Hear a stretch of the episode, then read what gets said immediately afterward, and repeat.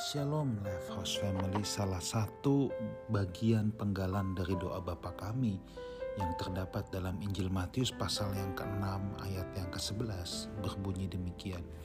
Berikanlah kami pada hari ini makanan kami yang secukupnya. Saudaraku, apa makna ayat ini saudara?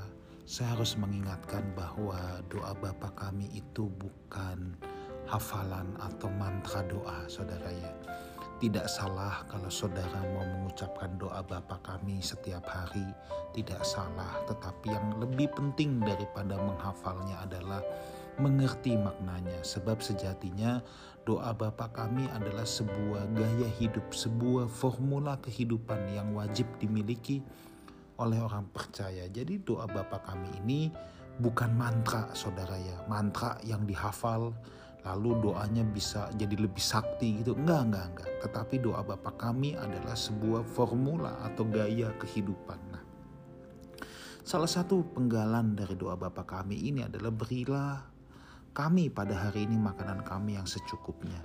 Perhatikan kata di sini ada kata hari ini. Bukan besok, bukan kemarin.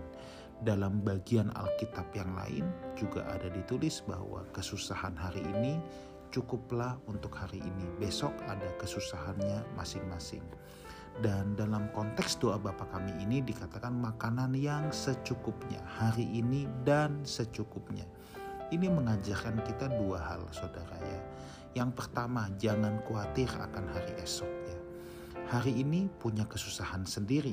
Tadi yang saya sudah kutip, besok punya kesusahannya sendiri kita percaya bahwa setiap harinya ada tuntunan Tuhan dalam hidup kita ya. Tuhan tidak pernah terlelap, Tuhan tidak pernah kelupaan untuk menuntun anak-anaknya.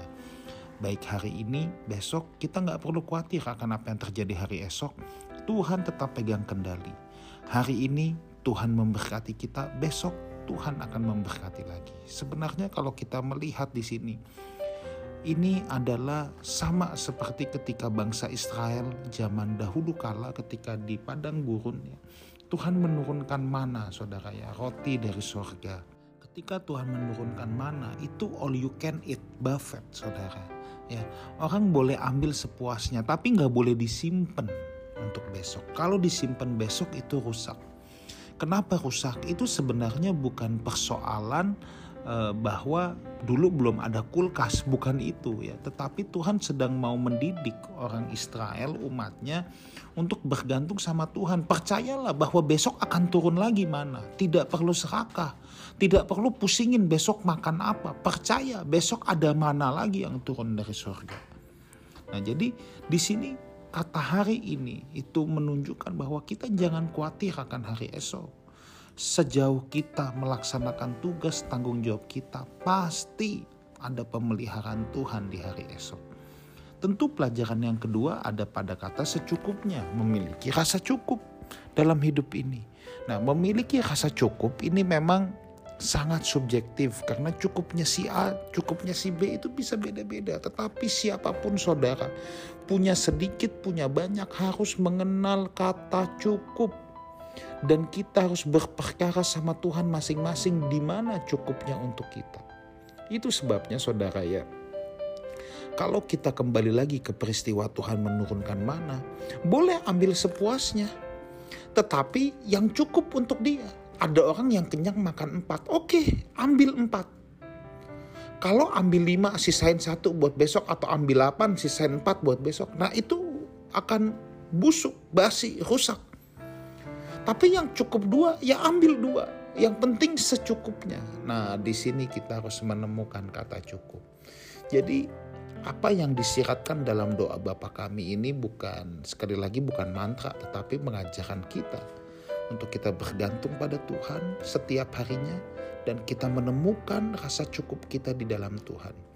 Saudara, orang yang tidak kenal rasa cukup itu karena dia tidak menemukan kepuasan dalam Tuhan dia cari kepuasannya dalam banyak hal saudara ya. Ada yang dalam materi ada yang dalam kesenangan-kesenangan lainnya. Tetapi percayalah orang yang tidak menemukan kepuasan dalam Tuhan tidak akan pernah puas dalam hidupnya. Selalu ada yang kurang. Tapi kalau orang sudah menemukan kepuasan dalam Tuhan dia akan bertemu dengan rasa cukup dalam dirinya. Kiranya Tuhan Yesus menyertai kita semua. Amin.